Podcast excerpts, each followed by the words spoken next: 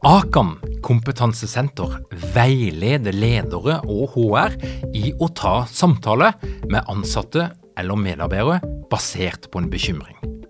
Akan setter ledere og medarbeidere i stand til å forebygge og håndtere en problematisk bruk av alkohol, narkotika, legemidler, spill eller doping blant ansatte.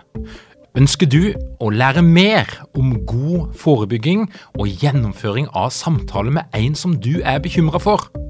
Da kan du nå få tilgang på Akan sitt digitale samtalekurs til spesialpris, kun 760 kroner.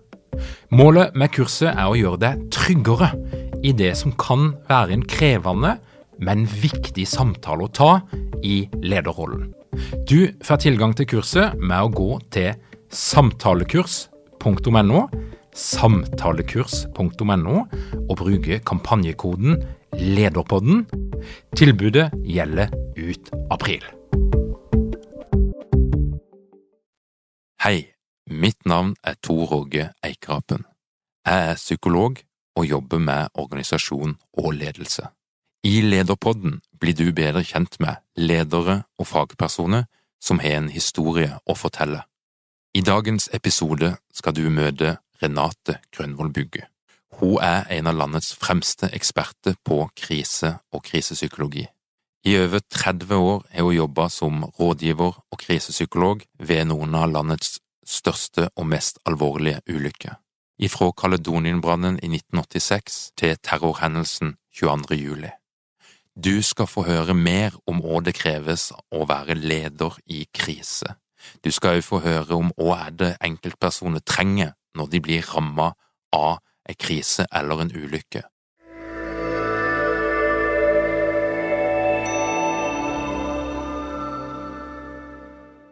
Renate Grønvoll Bugge, velkommen til Lederpodden. Hvem er Renate Grønvoll Bugge? Tja, jeg er i hvert fall psykolog. Lenge siden jeg tok, gikk ut fra Universitetet i Oslo. Har i yrkeslivet hatt tre fokus. Det ene er interesse for mennesker som sliter. Det betyr individet. Jeg har vært veldig opptatt av grupper, samspill. Hva er det som gjør at mennesker kan samhandle og utvikle seg i et fellesskap? Både privat og i, ikke minst i arbeidslivet. Og dette med ledererfaring. Så det betyr at jeg i hele mitt yrkesliv har hatt tre bein å stå på. Individ, organisasjon og ledelse. Mm. Og de siste 20 årene spesielt har det vært veldig mye fokus på når krisen rammer. Mm. Både i individ- og gruppe- og organisasjonsperspektiv. Og hvis du skal si en ting som gjorde at du valgte å bli psykolog og, og få de interessene som du, som du nevnte nå, um, er det noe spesielt du, du, tenker at gjorde det? Jeg hadde jo faktisk et perspektiv på om jeg skulle bli, velge teologi eller psykologi. Ja. For begge deler syns jeg hadde noe med mennesker å gjøre. Og det å treffe mennesker under det du ser. Mm. Så det var nå ett perspektiv. Så da jeg begynte, så var alle ting gikk jeg på husmorskole. Det hadde man den gangen. Og for å slippe å miste tid, så begynte jeg på innføringsseminaret på psykologi for å finne ut om det var noe for meg. Og hvis det ikke var noe, så kunne jeg bare hoppe rett over på teologien uten å miste tid. Og så ble det psykologien. Og du fortsatte, um, og du gjorde jo noen valg i forhold til, til retning. Og, og hva hadde du så for deg at du skulle holde på med, når du etter hvert ble bedre kjent med psykologien? Det var egentlig mest å møte vanlige, fungerende mennesker i livsfaser hvor de var i kritiske situasjoner. Det, det var der veldig tidlig. Mm. Jeg tenkte aldri psykiatri som et sted hvor jeg skulle jobbe. Og jeg var veldig tidlig opptatt av organisasjonen, faktisk. Det, det blir jo litt faglig, men jeg tok både klinisk psykologi, utviklingspsykologi og sosialpsykologi. Og i sosialpsykologien fikk vi utlevert Wilfred Bjørns bok 'Experiences in Group' som stensil Det var ikke utgitt i bok ennå. Og mine hovedoppgaver den gangen, det gikk på gruppe. Det gikk på ungdommer, jenter, på en spesialskole. Som det jo var den gangen. De blir jo sendt av gårde og låst bak store porter fordi de hadde oppført seg dårlig ute. Så det, det var der jeg hadde fokuset mitt da jeg tok oppgaven. Så det, det var, har vært veldig tidlig med. Mm. Jeg pleier i denne podkasten å spørre folk om det er noe de har tatt med seg ifra oppvekst, ifra der de måtte komme ifra, inn i sin rolle, enten som fagperson eller som, som leder. Eh, når du har valgt å jobbe med det temaet som du har gjort, er det, er det noen, ser du noe i din egen historie, eh, noe du har tatt med deg fra et sted, som, eh, som er påvirka den du er blitt som fagperson? Et stort spørsmål, for det er jo egentlig hele oppveksten min som har gjort det. Men, men jeg tenker at det overskriften den gangen, husker jeg når jeg valgte, det var jo takknemligheten over at livet hadde gitt meg de mulighetene som det hadde, ved at jeg kom i et hjem hvor, som var veldig velfungerende og, og støttende. Og så hadde jeg en veldig bevissthet om hvor lite det skal til før du havner på gæren side i samfunnet, og hvor heldig jeg var som var på den rette sida. Det kom jo særlig når jeg jobba med disse unge jentene det var jo ikke så stor aldersforskjell, og jeg husker jeg ble satt på som vakt og skulle følge de til tannlegen, og jeg husker jeg gikk ved siden av ei to år yngre enn meg, var hun kanskje tre år, og tenkte hva er det som gjør forskjellen på henne og meg, hvor heldig jeg har vært. Mm. Så det har nok preget meg gjennom hele yrkeslivet. Mm. Og Når du snakker om å være heldig, så er det jo en historie bak der som jeg tenker at du nesten må i hvert fall fortelle litt om, sånn at de som lytter på, på denne podkasten, kan forstå litt helheten og det du refererer til. Jeg er jo født i Berlin, kom til Norge rett etter krigen i en av de første barnetransportene, og ble adoptert her i Norge og hatt oppveksten min i Norge. Mm. Det er kortversjonen. Mm. Og når du sier Norge, så kan du være så spesifikk at dialekten din den kommer ifra Drammen. Ja. Men jeg snakker ikke drammensk. Nei. Jeg er østlandsk. ja, det er en større. På et tidspunkt så kom du inn i en arbeidsoppgave, eh, en situasjon, eh, som var en krise. Du hadde sikkert møtt enkeltpersoner i krise før der, men det er spesielt én hendelse eh, som jeg har forstått at tok deg inn i det en kan kalle for krisepsykologien. Mm. Kan du fortelle noe om og, og, og, og når var det? Det var vel i 86. Kaledonienbrannen her i Kristiansand. Hvor jeg satt og hørte på professor Lars Weiseth, som da nettopp kom fra et seminar oppe i Tromsø, hvor de hadde sittet sammen og samlet kunnskap om intervensjoner ved store kriser. Jeg hørte på han, og så sier jeg hvis du mener alvor med det du sier, så er vi jo nødt for å organisere noe her nå som etterarbeid etter Kaledonien. Og hva, og hva din rolle da? Henne jobba du henne, og hva, er årsaken til at du ble involvert? Jeg var leder av barne- og ungdomspsykiatrien i Vest-Agder på den tid. Så i og med at jeg var på sykehuset, og det var en katastrofeberedskap på sykehuset, så ble jeg spurt om å ta ansvar for oppfølgingen, den psykososiale oppfølgingen. Vi hadde vel nesten ikke den terminologien engang på det tidspunktet den ble skapt mens vi jobba. Og da hadde jo jeg ansvaret for uh, oppfølgingen i forhold til de som var etterlatt. Og i det gikk det jo å ta imot dem utover natta når de kom til byen. Da var jo sykehuset oppsamlingsplassen. Og det var uh, etter hvert uh, syning i domkirken. Mats Gilbert og Arte Dyrekro var veldig sentrale den gangen, så vi tre jobba veldig tett. Hadde aldri møtt hverandre før, men møttes i den sammenhengen. Og minnegudstjenesten i domkirken og samlingene etterpå. Det vi ikke gjorde den gangen, det var oppfølging over tid etterpå. Men jeg lærte jo veldig, veldig mye av den eh, jobbingen vi gjorde da. Blant annet dette hvor viktig det var å ha god kommunikasjon med politiet som skadestedsledere. Dette med å time riktig når de var ferdig med identifiseringsprosessen når kunne man frigi navn? Vi fikk jo telefoner direkte fra etterlatte fra utlandet, eller pårørende, da. som spurte om deres var på navnelista, liksom.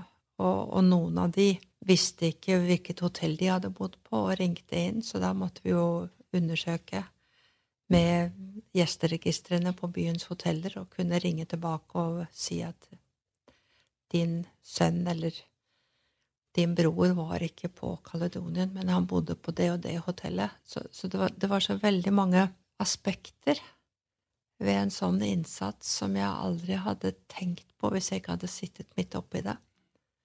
Bare det å sitte med lista over antatt omkomne, og så får du en telefon. Skal du ikke gi noe informasjon om det før det er frihet fra politiet? Og dette har jo senere vært en diskusjon ved flere sammenhenger. Blant annet hadde vi det veldig konkret i forbindelse med Utøya, og jeg også var, var mye med i oppfølgingsarbeidet. Hvis alle skulle bli identifisert før man kunne frie informasjon, så ville det gått for lang tid. Så der fant man jo en løsning på at man kunne gjøre det etappevis. Så det ble jo fordelt i tre økter, så vidt jeg husker, hvor det ble frigitt liksom et visst antall etter hvert som de ble klare. Mm. Så ble det frigitt, og så kom neste bolk dagen etter, og neste bolk dagen etter. Skulle man vente at alt var klart? Så det, det blir så frustrerende, og det blir så vanskelig. Men første diskusjonen hadde vi etter Kaledonien. Mm. Og, og, du ble egentlig, så, så, sier du noe om at du hele veien eh, fra du starta med psykologi, så hadde du et ønske om å jobbe med den type psykologi ja. psykologi kobla til krise, men det var vel egentlig ikke definert nesten som et eget fagfelt på det tidspunktet? Overhodet ikke. Du hadde ikke navnet engang. Du ble kasta inn i det, ehm, og ble eh, du, du, fikk jo gjort noen erfaringer, du, du, møtte noen mennesker, du lærte mye på kort tid, og, og ble den videre veien inn i krisepsykologien for din del? Det var jo bare der jeg var.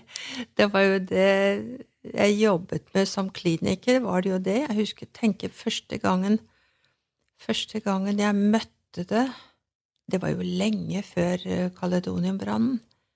En ung gutt som ble henvist fra skolen, som hadde total atferdsforandring. Og skoleresultatene raste, og jeg spurte om han hadde opplevd noe spesielt. Nei, det hadde han jo ikke. Jeg gikk et halvt år tilbake i tid. Jeg gikk ett år tilbake i tid. Så viste det at han hadde sett, vært vitne til at eh, lillebroren ble overkjørt av en trailer på første skoledag. Men det var det ingen, ingen som hadde koblet den sammenhengen. En annen ungdom som hadde vært ute for et eh, skredras og blitt tatt av raset, ble redda. Men alt gikk jo bra, så det ble jo ikke snakka om verken på skolen eller hjemme. Han falt jo helt ut av skolen, og ingen skjønte sammenhengen. Så, så men det har jo ligget der. Og når da Kaledonienbrannen kom, så fikk de jo mer fokus på dette med storulykken, når mange er involvert, som har med seg andre perspektiv. Så, så det var jo bare å fortsette etter det har det jo blitt mange av de store ulykkene. Det er jo ikke noe man ønsker skal komme tilbake, men, men det har nå bare vært der, at jeg har vært der og kunnet bidra. Mm. Og da tenker jeg både på Brønnøysund flystyrt i Torgehatten i sin tid. Jeg tenker på Hirtshals partnerulykken, hvor noen av 55 var det vel, som omkom med Wilhelmsen-rederier og fikk rasert en hel avdeling togulykken Åsta, og naturligvis det som ramma hele nasjonen med, med, Utøya. Så det har jo blitt en del av de store. Mm. Men det har også vært mange små. Mm. Og, og, det er et, et individperspektiv her, og det er et, et gruppeperspektiv. Um, hva er det som skjer med enkeltpersoner som blir ramma av ei krise? Livet stopper jo opp, og det du har trodd du kunne stole på, det blir jo satt på hodet. Så hjelpen der blir jo viktig.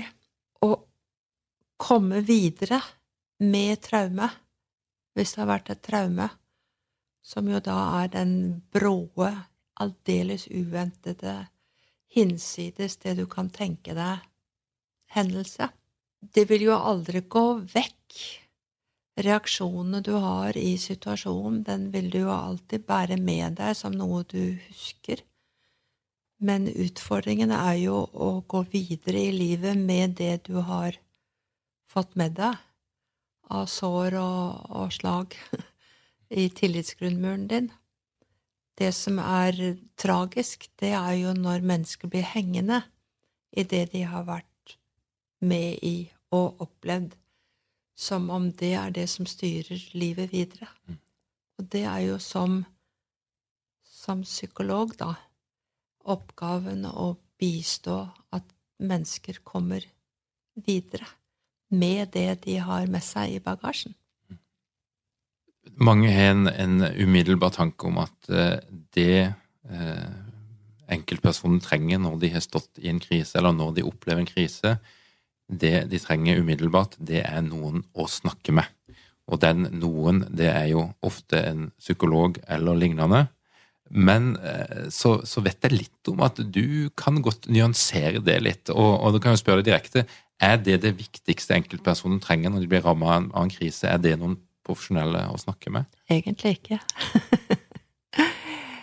det viktigste er jo at um i selve situasjonen er jo det aller viktigste at alt det praktiske rammene rundt blir lagt til rette, og at man kan få hjelp til det. Det betyr jo helt praktisk sørge for at det er drikke og mat og tepper og, og hele den pakka. Det er ikke om å gjøre å snakke. Det er å, å få tryggheten. At det er trygge rammer som funker. Kunnskapen i dag forteller oss jo også at uh, det er på en måte en grense for hvor mye en skal snakke om det som har skjedd. Det var jo en periode hvor man trodde at det var det viktigste. Men det er også noe med at man etter hvert har fått kunnskap om at det snakker man for mye om det som har skjedd, og gjentar og gjentar og gjentar, så er det med på å befeste reaksjoner også, slik at, man, at det faktisk kan hindre i å komme videre. Så du skal ha en del kunnskap om hva du gjør Jeg tenker på når jeg leser i avisene om eh, eh, man satte seg sammen for å snakke om det som hendelsen, og så blir det ofte omtalt som om da er kureringen gjort. Men eh, oppfølgingsbehovet og innsatsen, den kommer jo egentlig etterpå. Det er viktig at man skaper rammer hvor de som er berørt, kan komme sammen, ja. Åpen kirke, åpen skole, kjempeviktig at et samfunn og mennesker som er berørt, har muligheten for å komme sammen. Men, eh, men, det er veldig viktig at det er praktiske ting. Hjelp til å komme seg hjem, hjem til å bestille drosje. Er det noen hjemme? Er det noen andre du kan bo hos? Er det noen du kan ringe til som kan komme og hente deg? Helt sånn jordnære, praktiske ting er det viktigste, faktisk. Det er jo noen som, som, snakker om at vi lever i et det terapeutiske samfunnet, altså der trua på at en kan snakke seg ut av, av, mange av de vanskelighetene vi møter på veien som menneske, den er veldig sterk. Mm. Eh, og, er, og, er, grunnen til at det er en sånn overbevisning i befolkninga om at eh, det aller viktigste folk skal ha når de hadde opplevd noe brutalt og vanskelig, det er noen å snakke med. La meg understreke at det er viktig å ikke være aleine. Det er viktig å ha noen som bryr seg, og som er nær. Men dette med å snakke seg Sette ord på det man har opplevd Det kan muligens også være litt etterslep av en periode hvor vi fagfolk understreket veldig mye at det er viktig å snakke. Det er samtalen som er det viktigste. Og samtale er fortsatt viktig. Og den, eh, den, skal ikke på noen måte neglisjeres, men det er noe med utfordringen på å se grensen. Når er samtalen med på å dvele, slik at det hindrer å komme videre? Og når er samtalen en lettelse, slik at man kan legge fra seg en bør og dermed gå videre? Og så tenker jeg med ditt spørsmål med terapeutisk samfunn, at man skal snakke og snakke, har det noe å gjøre med at vi er litt um, vil beskytte oss litt på å møte andres smerte, at det er lettere å overlate det til de som er profesjonelle. Det tror jeg kanskje er Jeg tror kanskje mer det er der utfordringene i samfunnet ligger. At vi helst vil outsource det, det vanskelige? ja. Slippe å være så tett på sjøl. Dette er noe for fagfolk, og det er det ikke. Mm.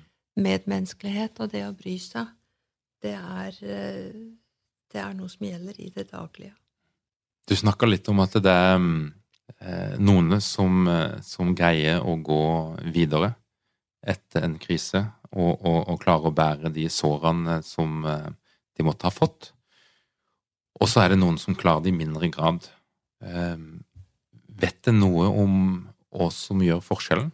Man har jo de siste årene fått mye mer kunnskap om eh, komplisert sorg, for eksempel og man har fått mer kunnskap om skillet mellom Eller hvor tett liksom, på hverandre tapsreaksjoner og sorgreaksjoner er. Og det som har vært problematisk en stund, det er å skille mellom sorg og depresjon. Mm. For sorg er ikke depresjon. Og det å være deppa i en um, vanskelig etter en vanskelig situasjon man har opplevd, det er ikke det samme som å være deprimert, men det er kanskje å erkjenne en tapsreaksjon og sorg. Nei, men det er dette med den kompliserte sorgen, det er jo når det over tid at ikke smertene avtar, men at den øker.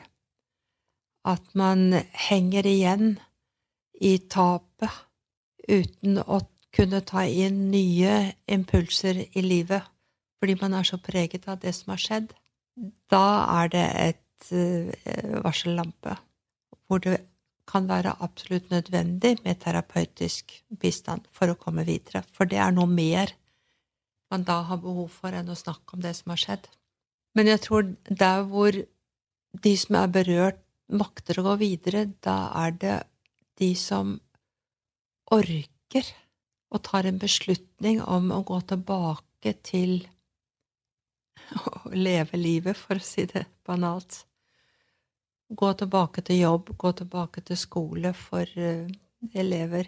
Men det betyr jo samtidig at det miljøet man kommer tilbake til, har en forståelse for at man ikke kan yte 150% som man har gjort før.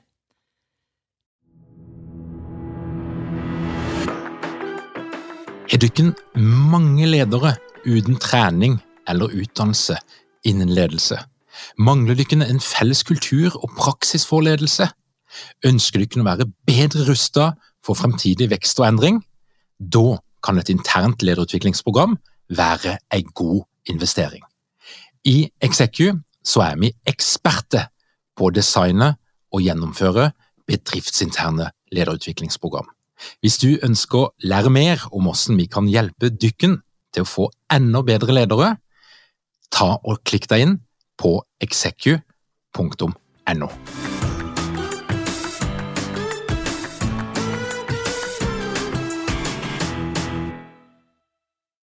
I en periode orker man kanskje bare å yte 50, men da er det viktig at både arbeidsgiver og miljøet legger til rette for det, da.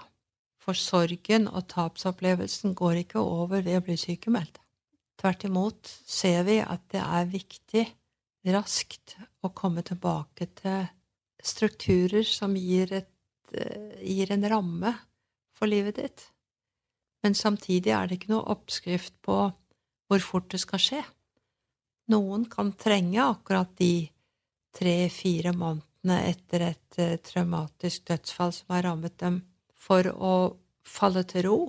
Det er mange praktiske ting som skal ordnes etter en sånn opplevelse og en sånn hendelse som, som krever, men det er når vi snakker om langtidsfravær uh, og ikke komme på sporet. Det er vel kanskje der jeg ser det viktigste skillet. Mm. Og da nevner du struktur. Uh, det er noe jeg vet du er opptatt av. Ja. Uh, og da er, er, det neste spørsmålet det, det, det er organisasjonene, grupper, som blir utsatt for krise Eh, og dramatiske hendelser, katastrofe, ulykker som involverer mange mennesker. Hva er det som skjer i en organisasjon som blir ramma av krise? der er det jo litt avhengig av hvor stort omfang det er på, på det som har hendt. Jeg har jo vært um, rådgiver i en del av de store uh, ulykkene. Og det jeg ser, er at um, faren for en organisasjon og ledelsen, det er å bli så opptatt av den store hendelsen at de mister perspektivet på det de i utgangspunktet egentlig skal jobbe med. Og det er jo klart at det er en bedrift som, um, som skal levere. Der blir utfordringen fortsatt å holde fokus på det de egentlig skal gjøre. Og samtidig er de eiere av ulykken og må håndtere og omorganisere for å kunne håndtere krisen. Og da blir det en skikkelig utfordring at man har en delegasjon, ansvarsfordeling, tenkt igjennom på forhånd. Hvordan skal vi organisere oss hvis vår bedrift blir ramma? For hvis lederen da skal ha fokus både på å organisere i forhold til krisesituasjonen, og samtidig ha fokus på strategien videre for bedriften, det går ikke. Så der hvor det har vært eh, Hvor de har kommet Hva skal jeg si Kommet ut på en måte hvor bedriften kan fortsette, så er det der hvor, hvor de har hatt en klar eh, ansvarsfordeling. Jeg tror ikke jeg sier noe som jeg ikke bør si, for jeg har også vært offentlig og skrevet om, men etter partner Hirtshals uh, Wilhelmsen-ulykken, så var jeg jo ganske tett på, og jeg snakket med konsernsjef, daværende konsernsjef Lødeshøl i ettertid. Og da har vi snakket akkurat om dette, hvor viktig det var å ha strategitenkningen klar, men samtidig ha en organisering innad i organisasjonen som gjorde at eh, man måtte veldig tidlig tenke hvem har ansvaret for den kriseorganisasjonen. Og de måtte komme på fot igjen. De hadde jo mista 50. En hel avdeling var jo rasert. Og da tenke igjennom omorganisering i hele bedriften for å kunne fylle plassene, oppgavene, til de som var borte. Ekstrem situasjon, men gjennomtenkt. Og jeg har opplevd andre bedrifter hvor man ikke har hatt den samme gjennomtenkningen, og hvor det har blitt ganske store problemer etterpå. Så det kan jeg ikke få understreket nok, dette å ha fokus på to ting samtidig når krisen rammer. Håndtere krisen på den måten at man organiserer hvem som skal ha ansvar for hva, og, og dersom bedriften selv er rammet også, sånn som Wilhelmsen, så berører det jo så totalt hele bedriften til forskjell fra en transportansvarlig som NSB var etter Åstad-ulykken. De var også rammet som bedrift, for de hadde mistet noen, og det ble det satt altfor lite fokus på den gangen. For det var fokus på passasjerene som var rammet. Så dette å tenke hva slags ulykke er det, og hvem er berørt, og hvordan skal man tenke ansvarligheten i forhold til det, det er ekstremt viktig. Og du har jo sett eh, en utvikling sikkert gjennom, gjennom eh, de årene du har jobba med krise. Og henne er norske virksomheter i dag? Hvis vi snakker om store bedrifter, hvis vi snakker om kommune, andre offentlige foretak, og gode vi på å planlegge og være forberedt på at krise kan ramme? På overflaten tror jeg de fleste vil si at eh, jo, men vi har beredskapsplaner. Vi har øvelser av og til. Vi vet hvor nødutgangene er. Men erfaringen min, det er jo at um, det er for lite samøvelser. I, i, det offentlige Norge, eksempel, så har nok hver skole og hver barnehage og sykehjem og sykehus har sine beredskapsplaner, ja, og det kan også være at de øver på de, men samhandlingen på tvers av i en kommune. Det er det stort manko på. Samøvelser med politi, med involverte institusjoner. Og når jeg spør hvor mange av dere har lest beredskapsplanen og vet rollene dere har i tilfelle det smeller, så er det veldig sjelden at mange rekker opp handa. Og jeg er litt opptatt av akkurat den biten. Det har ikke noe med å male en viss mann på veggen, men det er å få opp en mental beredskap om at dette kan smelle, og hvordan ser det da ut i vår kommune? Ikke bare på vår skole, men i vår kommune. Og da snakker vi jo om bevissthet på ulike nivåer. En ting er de som er ledere på en skole, på en barnehage. Men det er samordningen, og det er jo et kommunalt ansvar. Og tverrkommunalt. Det hender at det er såpass store ulykker, det kan være en trafikkulykke, som berører, og da er det for eksempel ikke nok med at man har et kriseteam i én kommune. Da kan det være at man faktisk må be om ressurser fra nabokommunen, fordi man sjøl er så berørt at her trenger man utvida kompetanse. Du har jo jobba for en del eh, store selskaper, store organisasjoner òg i privat næringsliv. Åssen eh, er statusen der? Og flinke er norske store bedrifter når det gjelder å være forberedt på krise? Det spørs litt på hva skal jeg si definisjonen. Noen bedrifter er jo høy risiko. Hva er typisk en høyrisikobedrift? Statoil. jeg heter jo ikke det lenger nå. Men, men jeg, har jo jobbet, jeg har jo vært ute på plattformen og sånn. Og det er jo høy risiko, vil jeg si. Og så har du en del eh, transportansvarlige bedrifter. Det er jo ikke i samme grad høy risiko, men det kan i hvert fall ramme mange når det rammer. Men, men oppmerksomheten som du spør om, det er en oppmerksomhet rundt å ha beredskapsplaner på plass. Det er det. Men hvordan den fungerer i praksis, det er det ofte mindre Det er ofte mindre utprøvd. Og, og, jeg har vært i bedrifter hvor de har vært så engasjert på å få dette på plass, men da betyr det også at det, samtlige nivåer i en bedrift må involveres. Ikke bare ledergruppa, ikke bare avdelingsledere, men resepsjon, eh, vaktmester, hvis det fortsatt er noen, en oppgaverolle som heter det. Men alle i en bedrift, og ofte er det jo disse usynlige rollene som er de som kommer tettest på når det smeller.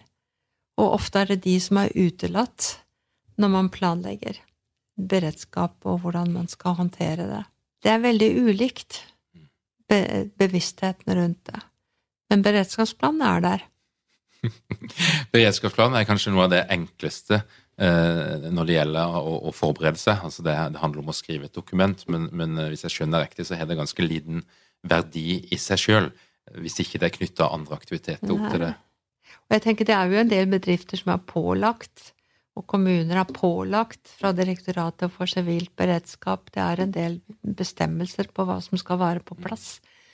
Så den store forskjellen er jo om man har det på plass for å kunne dokumentere eh, at man har, har, det på plass, eller har man også innholdsmessig på plass, sånn at det fungerer hjemme hos oss, og at vi vet at det fungerer. Det er veldig forskjell på de to tingene. Og det å håndtere ei krise i moderne tid, eh, det er ganske mange aspekter. Du snakker med noen om noen av de. Det ene er jo det å opprettholde eh, business as usual.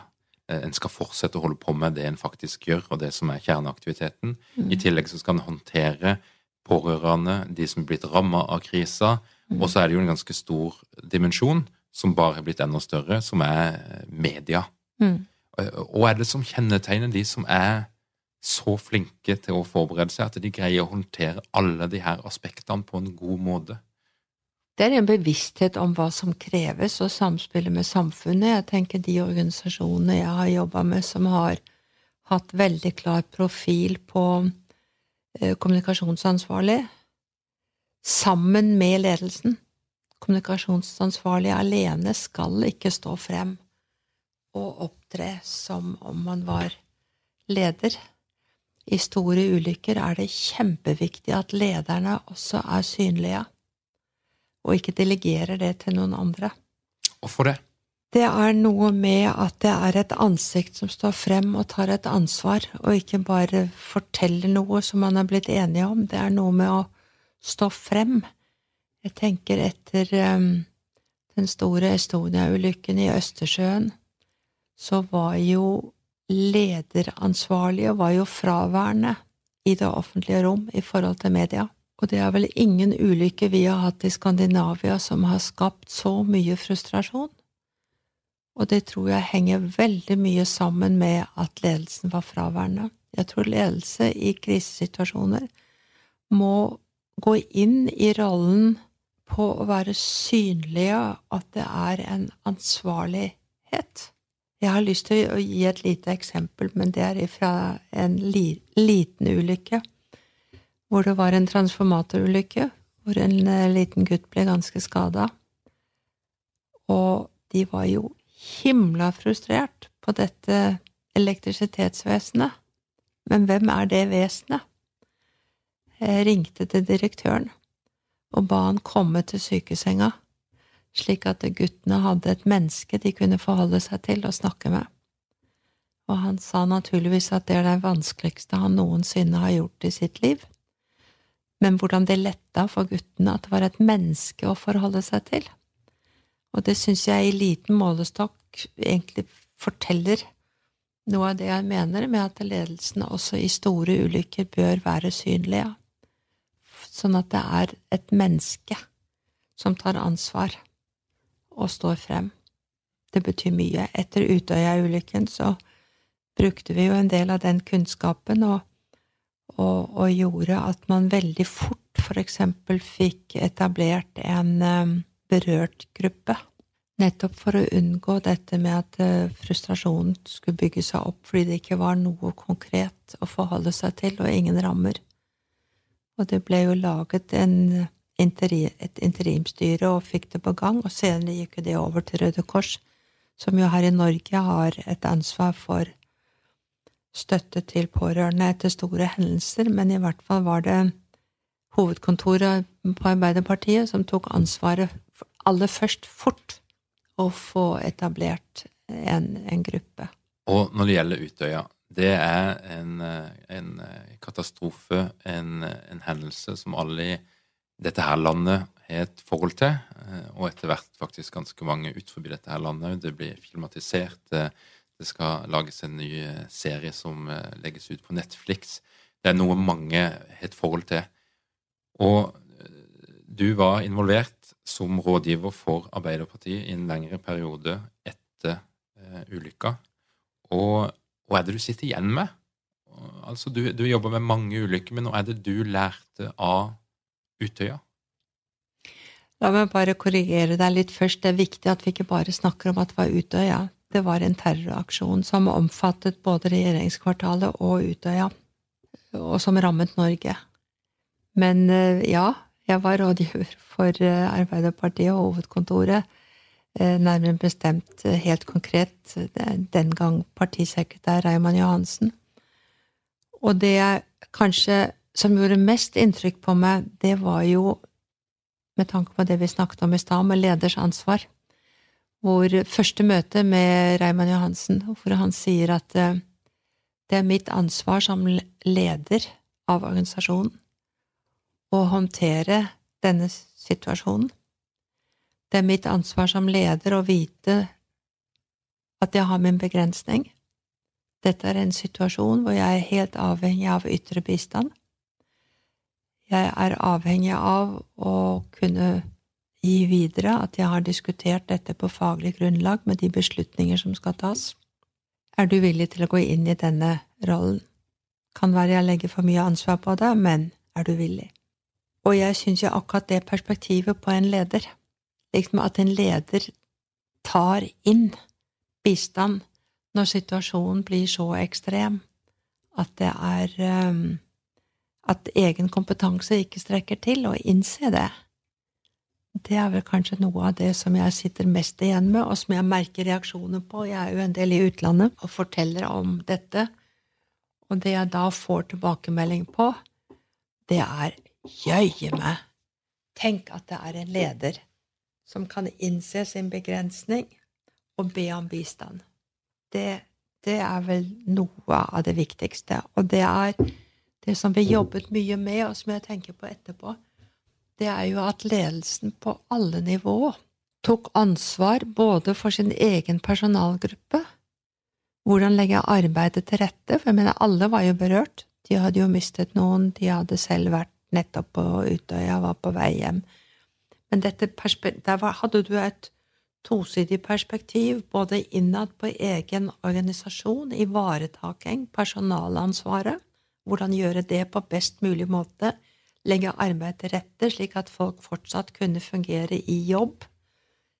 Gå ikke hjemme og være sykemeldt, men kom på jobb. Selv om du ikke kan yte noen ting, så er det viktig at du kommer på jobb. Hele det perspektivet. Og samtidig perspektivet på rådgivning. Jeg mener regjeringen var avhengig av en del råd. Hvordan håndtere minnesamvær eh, når den tid kom. Oppfølgingen på Utøya, ivaretaking av eiendeler, kontakt med politiet for å forhindre at alt ble brent og, og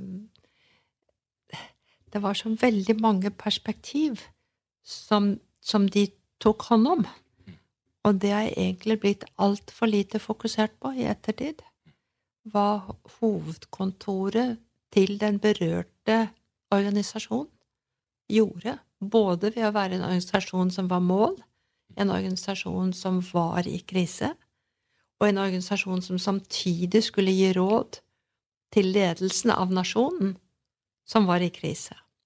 Jeg sitter nok igjen med en understreking av hvor viktig det er å ha alle disse perspektivene i hodet når en organisasjon blir ramma. Du har møtt mange ledere, og du har jobba tett på mange ledere, både i krise, men òg i fredstid. Og det er jo en, Når en jobber med organisasjonspsykologi, så er det tilbakevendende tema og er det som er god ledelse. Det er, det er masse uh, teorier, det er motretninger som varierer fra tiår til tiår. Men, men hvis du skal oppsummere litt, og du har møtt ledere som har stått i, i store påkjenninger, du har møtt ledere som har skapt resultater som ingen trodde var mulig. Og hva er det som kjennetegner de gode lederne? Det som jeg har tenkt mye på, det er en leder som sa, vet du, når vi ble ramma så hardt, så var det viktig for meg at jeg delte døgnet i tre. Jeg hadde én del hvor jeg var meg, privat, personlig, og kunne ta inn over meg det som var rundt meg. Og den andre delen, det var å ha fokus på daglig drift og strategitenkningen for organisasjonen. Og den tredje biten, det var å ha fokus på situasjonen her og nå. Og det har jeg tenkt på ofte. Det er innmari ålreit å tenke sånn, for jeg tror veldig mange ledere blir satt ut av spill fordi man på en måte skal tenke på alt på en gang. Og da blir du floker, altså. Og da blir du også mindre tydelig i forhold til de du skal jobbe sammen med. Og så er det ledere i fredstid. Jeg tenker jo veldig, jeg er jo veldig strukturmenneske når det kommer på sånne ting, da. Og tenker på at man har um, god evne til delegering, eller definere oppgaver, og sette rammer slik at det er mulig å gjennomføre de oppgavene det er leders ansvar, åssen en snur og vender på det. Det er ikke nok å delegere, det er lederens ansvar å delegere innenfor hvilke rammer og innenfor hvilke avtaler. Og sørge for gode tilbakemeldingsrutiner. Det er ikke nok bare å delegere og så stole på 'dette klarer du'. Men fy filleren, den som får delegert en oppgave, har også et behov for å kunne gi en tilbakemelding på hvor det butter, og hvor man lykkes, og bli sett. Og ikke bare Delegering blir veldig ofte brukt som at man skyver noe bare videre uten å fortsette å holde i tråden. Så det er vel kanskje noe av, av de tingene, dette med å definere oppgaver, sørge for at rammene funker, at man har både ressurser og kompetanse, og lytter til sine medarbeidere på disse tingene, men også å sørge for at man ser og får tilbakemelding på det som blir gjort. Du har nå hørt Lederpodden. Følg oss gjerne på lederpodden.no eller facebook.com slash lederpodden. Lederpodden presenteres av konsulentselskapet Skagestad pluss Eikerapen.